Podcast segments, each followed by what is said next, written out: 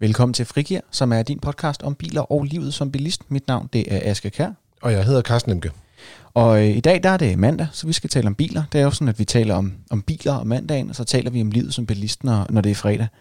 Øhm, og i dag der skal vi tale om noget lidt specielt. Vi skal tale om mikrobiler, som er de her helt små små biler. Ikke? Og det, det er jo tidligere var det jo super populært at købe dem. Altså man kunne nærmest ikke øh, gå tre trin uden at falde over en op. Faktisk øh, er lige præcis Oppen den mest solgte øh, bil i Danmark i det, gennem de sidste 10 år. Så øh, det er virkelig nogle store sælger, men ikke i dag. Ja, og, og så vi skal ligesom snakke om, hvad der, hvad der sker med dem, og, øh, og, og hvor de er på vej hen. Men, men der er faktisk også kommet, der er nogen ny, der er på vej faktisk. Den, en af de eneste nye mikrobiler, vel næsten, der sådan er på vej lige i øjeblikket øhm, som er en Hyundai i10. Og der har øh, vi min gode kollega øh, Søren W. Rasmussen, som vi har sendt afsted til udlandet for at, at prøvekøre nogle af de allerførste udgaver af i10'eren. Så simpelthen i mest rustik stil, så har vi ham igennem på en telefonforbindelse. Så vi prøver lige at ringe ham op en gang.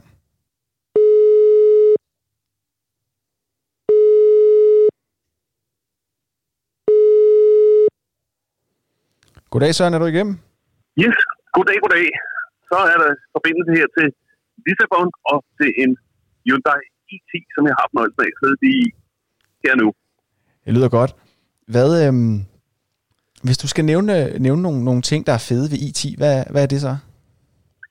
Man kan sige, at uh, Hyundai i10, de har i virkeligheden siddet uh, rigtig komfortabelt på det her mikroklassesegment, selvom ganske rigtigt Volkswagen op har været den helt store uh, sælger i Danmark, så har Hyundai i10 i virkeligheden uh, haft et uh, skrubbid af uh, markedet, og det ser det altså ud til, at de kan fortsætte med.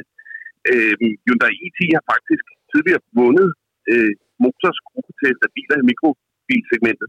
Det er den gjort, fordi det var en stor og rummelig bil, og øh, nu sidder jeg i den helt nye generation af Hyundai e i10. Så kan man altså sige, at det er noget, de virkelig fortsætter med, det her med at bygge rummelige mikrobiler. Det lyder lidt som som en selvmodsigelse, men det er faktisk en øh, bil, øh, der er lille at se på, og ret stor, når man sætter sig ind i bilen. Og øh, det Hyundai siger, det er, at øh, det er muligt, at andre bilproducenter vil skrue ned på ambitionerne i mikrobilsegmentet, men det gælder altså ikke Hyundai. De holder fast og har i virkeligheden skruet op for ambitionerne. Det er en meget avanceret bil, når man også kigger på, hvilket udstyr den på. Søren, øh, nu talte du lidt omkring det med størrelsen, og jeg synes, jeg, jeg så i, øh, i den øh, nyhedsartikel, der også er på vores hjemmeside, at, at den er blevet 4 cm længere i akselafstanden, og det er jo måske lidt et teknisk begreb, men, men hvad betyder det at, for, for dem, der gerne vil købe bilen, at den har fået en, en længere akselafstand? Ja, man kan sige, at hvis, hvis man måler selve længden af bilen, så er den kun lige blevet en lille bit smule længere. Men øh, hvis man måler afstanden mellem forhjulet og baghjulet, det er det, vi kalder akselafstanden, så er den altså som sagt vokset 4 cm. Det betyder simpelthen, at der er kommet 4 cm bedre plads til kabinen. Og øh, det kan man altså mærke, når man sidder både ved forsædet og ved bagsædet. Og jeg øh, har lige været om at sidde bag mig selv, så at sige, hvor jeg sætter øh, forsædet, som jeg nu vil sidde, og så kravler ind bag øh, bagsædet. Og øh, det vil sige, der kan man altså godt være der. Det, øh, det er lidt overraskende. Så på den måde, så er det, det er faktisk en, en rummelig mikrobil. Ja, der, der er det måske værd at nævne lige præcis Søren øh, W. Rasmussen. Du er ikke tre æbler høj. Du er en relativt høj mand. Øh, så du kan være på bagsædet i en bil er altid en sejr. Jamen, det, det er netop det, der er fordelen ved at være så stor. Så ved man, at hvis, hvis, hvis, hvis jeg kan være der, så kan de fleste også være der. Det, det er bare godt. Hvordan, øh, altså, fordi der er jo nogen, der har, hvad kan man sige, nogle reservationer omkring øh, sikkerhed og sådan noget i de her mikrobiler. Det hører man i hvert fald en gang imellem. Hvordan, hvordan ser det ud med, med sikkerheden i den her i10? Jamen, det øh, ser faktisk øh, umiddelbart godt ud. Vi har jo ikke rigtig set en sikkerhedsvurdering fra Euro NCAP på den endnu. Men øh, når jeg kigger udstyrslisten igennem, så må jeg sige, at øh, de har det, der skal til for at få et godt resultat. Og et godt resultat i, i min verden, det er jo enten fire eller fem stjerner. Øh, der hvor vi for eksempel har set, at Folkevogn er gået den modsatte vej, de har fjernet nødbremsen fra den nye øh, faceliftede Folkevogn op, så har Hyundai gået den anden vej og virkeligheden installeret en meget avanceret nødbremse, som bremser både for biler og fodgængere, og på den måde øh, er med til at øge sikkerheden af bilen. Og det er sådan en, der er standard i alle versionerne, selvom man køber den allerbilligste, som jeg øvrigt lige kan nævne her, kommer til at koste lige under 100.000 kroner. Mm. Eller om man køber den øh, topudstyret, så er der altså den her øh, avancerede nødbremse med. Men der er også andre sikkerhedselementer øh, i den. Der er blandt andet et system, som advare, hvis man er på vej til at køre ud over sidelinjerne i vognbanen, og der er et system, der holder øje med, om føreren er opmærksom eller sidder og er ved at falde i søvn, så advarer den også. Søren, øh, folk de er jo ret interesserede i det her med at kunne bruge deres øh, mobiltelefon, øh, altså jeg skulle til at sige, fra de vågner til de går i seng igen. Øh, hvordan ser det ud, hvis de kommer hen til en bil, øh, altså sådan en Hyundai i10? Hvad er der muligheder der, og hvad findes der også af skærme i bilen? Ja, det vidste jeg, du ville spørge om, Carsten, så der var jeg lige læst på lektien for at være helt sikker på at kunne svare rigtigt. Øhm, det er altså sådan, at den er øh, virkelig imponerende, det er jeg nødt til at sige, øh, fordi vi har selvfølgelig set mange smarte og avancerede løsninger i nye biler, men i den her klasse, der er det altså øh, noget, der virkelig sætter rekord.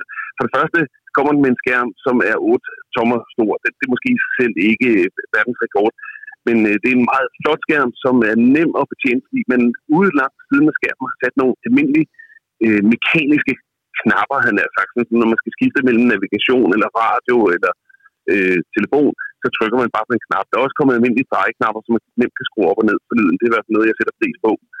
Men så kan man koble telefonen til med Apple CarPlay eller Android Auto, og det betyder, at så får man jo en spejling af telefonen op på skærmen øh, og kan bruge det, øh, som, som man kender fra andre biler. Det er, altså, det er jo standardudstyr. Det er lidt sjovt, fordi i nogle biler, der er det jo sådan noget, der koster 5.000 kroner ekstra. Men det er med i alle udgaverne her, og det er i hvert fald med til at gøre bilen brugbar. Man kan også få den med navigationsanlæg, og det er så et navigationsanlæg, der snakker dansk, der er danske menuer. Alene det er faktisk også opsigtsvækkende, fordi det er ikke øh, alle biler, heller ikke de meget dyre, der kan det i alle udgaver. Men der, hvor jeg virkelig blev imponeret, det var faktisk muligheden for at koble sin telefon op til bilen med noget, der hedder Blue Link. Og så kan man øh, faktisk fra sin telefon se, hvor bilen holder parkeret. Man kan se, om der er nogle fejlmeldinger på den. Man kan se, øh, hvor meget brændstof der er tilbage. Man kan låse dørene op og i osv. Og det er altså sådan en fjernbetjening af bilen, som, øh, som ja, det, det er jo set før, men det er ikke set før i den her prisklasse. Det er virkelig imponerende. Og du kan sige, det er sådan en, en, en du har fået en, en app til din bil, som, altså, og så endda en mikrobil. Det, altså, det, er jo det er ret vildt faktisk. Det er jo noget, vi normalt ser ja, det synes jeg faktisk. Og det, det er jo sådan noget, der gør det lidt sjovt, fordi okay, jeg ved godt, der er nogen, der vil være helt ligeglade med det, fordi de skal bare bruge den som transportmiddel. Og så er der altså nogen, som virkelig synes, at det er med til at gøre den her bil interessant, fordi man får øh, fornemmelsen af at have en super avanceret bil, og så alligevel så sidder man i en bil til ja, 100.000 kroner. Altså det er i hvert fald noget, det er sådan en som mig, der er dybt neurotisk omkring. Jeg altid tror, jeg har glemt at låse min bil. Der er det altså meget rart at kunne gå ind i en app og se, om, om, om bilen faktisk er låst. Og også det, man sidder lige og tænker om aftenen, oh, øh, skal jeg egentlig ind og tanke, når jeg skal køre på arbejde morgen tidlig, eller, eller er der nok benzin på? Det kan man også lige gå ind og se med det samme. Det er altså smart. Ja. Hvordan ser øh, motorprogrammet ud på de her biler, Søren?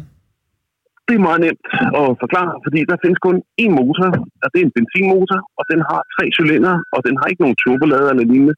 Så det er en øh, ret øh, stille og rolig fornøjelse at køre bilen. Den har 67 hestekræfter, det er jo ikke sådan noget, øh, man er ved at øh, blive miste, miste pusten af, fordi det går altså stille og roligt, må man sige. Men hvis man så skal være helt ærlig at sige, i virkeligheden så har den jo det, man skal bruge. Det, øh, det fungerer rigtig godt. Det er jo en bybil, den her. Det er jo ikke sådan en, man skal ligge og køre til Düsseldorf i to gange om ugen. Øh, det er en bybil, og øh, der har man faktisk de kræfter, man skal bruge. Det er nu vi lige ligget og kørt lidt bjergkørsel, der kan man godt mærke, okay, når det går op ad bakke med, med to mænd og bagage i, så, så, så skal der altså arbejdes lidt. Men øh, det kan heller ikke komme helt bag på en, når der kun er 67 hestekræfter. Man kan få den med, med manuel gear, og så hvis man gerne vil, så kan man få den med en form for automatgear, men det er ikke, det er ikke rigtigt det automatgear, vi kender fra mange andre biler. Det er det, der hedder sådan et robotgear, og det vil sige, det er virkelig den samme gearkasse, som den man selv sidder og skifter. Men i stedet for, at man selv skal sidde og skifte med gearstangen, så sidder der en lille robot og skifter for en. Øh, og det, øh, ja, i nogle biler fungerer det godt, og i nogle fungerer det mindre godt, og det bliver altså lidt mere spændende at se det. Det har vi ikke haft lejlighed til at prøve nu. Okay, så den, den, den er ikke på præsentationen, kan man sige, øh, lige pt. Ja, den kommer med. Øh, øh, bilen kommer, bilen kommer øh, til Danmark både med og uden den her gearkasse, når den dukker op her en gang i, ja, måske lige i begyndelsen af april måned. Øh, men øh, lige her ved præsentationen i Lissabon i Portugal, der har de valgt at kigge på, øh, på bilerne med almindelig manuel gear. Der, der er jo nogle mikrobiler, hvor du reelt kun har fire pladser at sidde i. Hvordan, hvordan ser det ud med, med IT i forhold til, hvor mange mennesker man kan så at sige, befordre for at bruge sådan en fint ord? Den kommer faktisk i to versioner. Den kommer både som en 4-personers og som en 5-personers. Øh, det sjove det er, at det har faktisk ikke noget med, med pladsen at gøre, fordi de er øh, nærmest lige store, de to biler. Det er en udformning af bagsædet, og øh, der har man altså lavet en særlig øko-version, hvor man har et bagsæde, der vejer lidt mindre, og det har man gjort for at spare vægt og for at få den til at køre en lille smule længere på literen. Så hvis man vælger den mest økonomiske udgave, så er det kun fire personer. Men ellers er der plads til fem, det vil sige tre på bagsædet. Og øh, min vurdering det er, at øh, det kan man faktisk også godt bruge i praksis. Der hvor man særlig har en fordel den her, det er, at øh, der er ikke nogen stor kardangtunnel, der generer midterpladsen. Der er sådan set næsten fladt gulv foran bagsædet. Og det gør det altså sådan nemt at komme ind og ud af bilen. Og det er også med til at gøre det rart for børnene at sidde på bagsædet, fordi det er primært børn, gætter jeg på, der kommer til at sidde derom.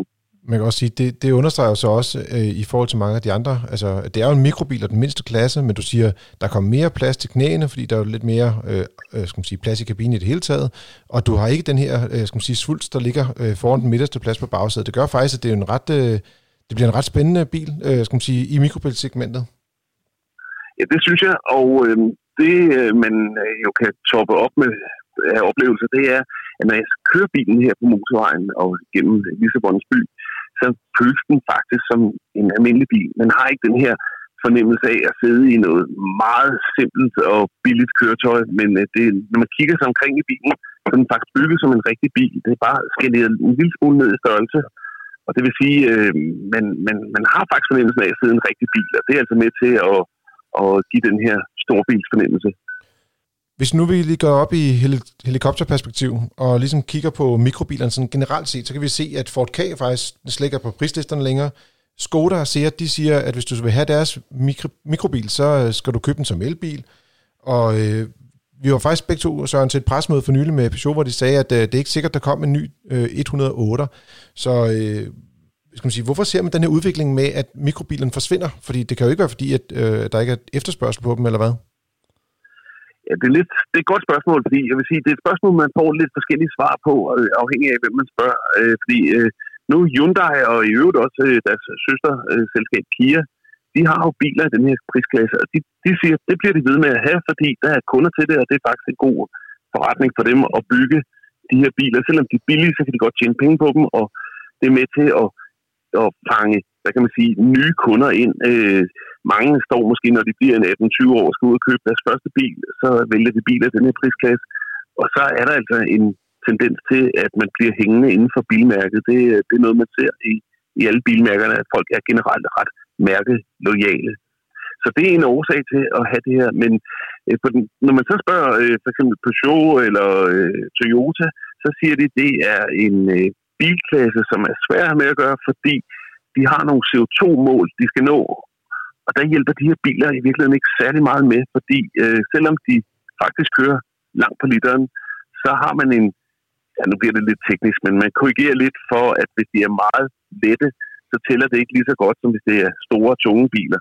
Det vil sige, at de får ikke den her gavn ud af det. Så de er altså valgt at alene at fokusere på, på elbiler, eller øh, plug-in hybridbiler, hybridbiler. Men det er altså slet ikke noget, man ser hos øh, Hyundai. Det er øh, pure power, det her, det er ligesom i gamle dage, der er ikke noget elektrificering af nogen art. Det må man så sige, det, kunne, det er jo et minus ved den her bil, men øh, det er altså deres øh, måde at, at håndtere det på. De siger, at det kan godt hænge sammen med CO2-regnskabet, at de har de her biler.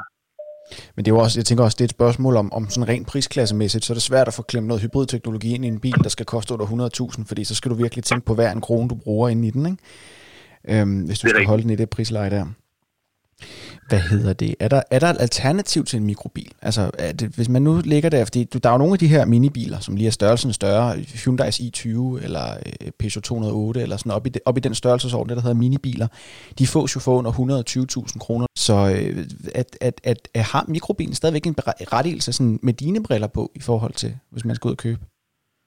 Ja, det synes jeg faktisk, det har, fordi øh, når jeg kører den her Hyundai i10, så må jeg sige, jeg synes, de har løst opgaven mere øh, intelligent end de modeller, der er en nummer større, fordi de bliver i virkeligheden lidt dyre uden at byde på rigtig meget mere. Der vil jeg egentlig hellere bruge pengene på at købe en bil som den her, som ganske vist målt på, på ydermål er mindre, men som egentlig ikke opleves meget mindre, når man sidder inde i bilen. Så bruge pengene på øh, lidt mere af det udstyr, der er med til at gøre hverdagen øh, komfortabel og rar, og på den måde få de her øh, elementer med, jeg talte før, med, med man har de store skærme, man, har, man kan jo også få dem med trådløs opladning af mobiltelefoner osv. osv. Og det er alt sammen med til at, øh, at gøre hverdagen øh, mere rar. Og der kan man sige, der er alternativet, det er at købe en bil, der er lidt større, men hvor man så køber den i den mest skrabede version. Der synes jeg faktisk, at nu hvor sikkerheden faktisk er kommet med i de her mikrobiler, så synes jeg egentlig, det giver mere mening at købe de her mikrobiler, og så øh, øh, få dem med, med alt udstyret, i stedet for de skrabede øh, versioner af dem, der er lidt øh, større. Fordi man kan sige, hvis man virkelig skal op og have sådan noget rigtig bedre plads, så skal man jo op og have noget, der nærmest er to klasser større. Og så begynder øh, lige pludselig at være en helt anden pris, man har med at gøre. Godt, Søren. Jamen, tusind tak for din øh, rapportage fra, fra Lissabon, og øh, for de dejlige veje, der er deromkring. Jamen, jeg vil køre videre, og øh, det er i hvert fald en, øh, et godt sted at teste biler, fordi øh, mens øh, det er bidende koldt i Danmark, så har man i hvert fald hernede 15 grader, lidt solskin og mulighed for både at se bilerne i dagslys og tage et billede af dem og lignende, og det vil jeg bruge resten af dagen på. God tur. Du kan som altid gå ind på fdm.dk og læse forpremieren på nye bilmodeller, og også den her Hyundai i10, og det kan du gøre allerede nu. Du kan også gå ind og finde links til artiklen i vores episodebeskrivelse. Og i dag der er det som sagt, øh, sagt mandag, hvor vi har talt lidt mere specifikt om biler, og hvad for nogle biler man kan kigge på, hvad for nogle der kommer på vej. Næste gang der er det fredag, hvor vi kommer til at tale om elbiler igen. Den her gang øh, med nogle briller, hvor vi taler om fordelene ved at have en elbil frem for nogle af udfordringerne, som vi talte om sidste gang. Så det er en slags fortsættelse, man kan tale om der. Hvis du nu er glad for den her podcast, vil vi meget gerne høre fra dig. Ja, også hvis du ikke er så glad, kom med din feedback. Giv gerne en anmeldelse inde i din app, øh, og også gerne øh, smid et par stjerner vores vej. Ja, og hvis, øh, hvis du er meget begejstret for det, så kan du også altid dele det med en ven. Det står der frit for. Du kan også sende en e-mail med ris, ros eller spørgsmål til nogle af de ting, vi taler om til podcast Og øh, ellers så vil vi bare sige tak for denne gang, og vi tales ved på fredag. Vi ses.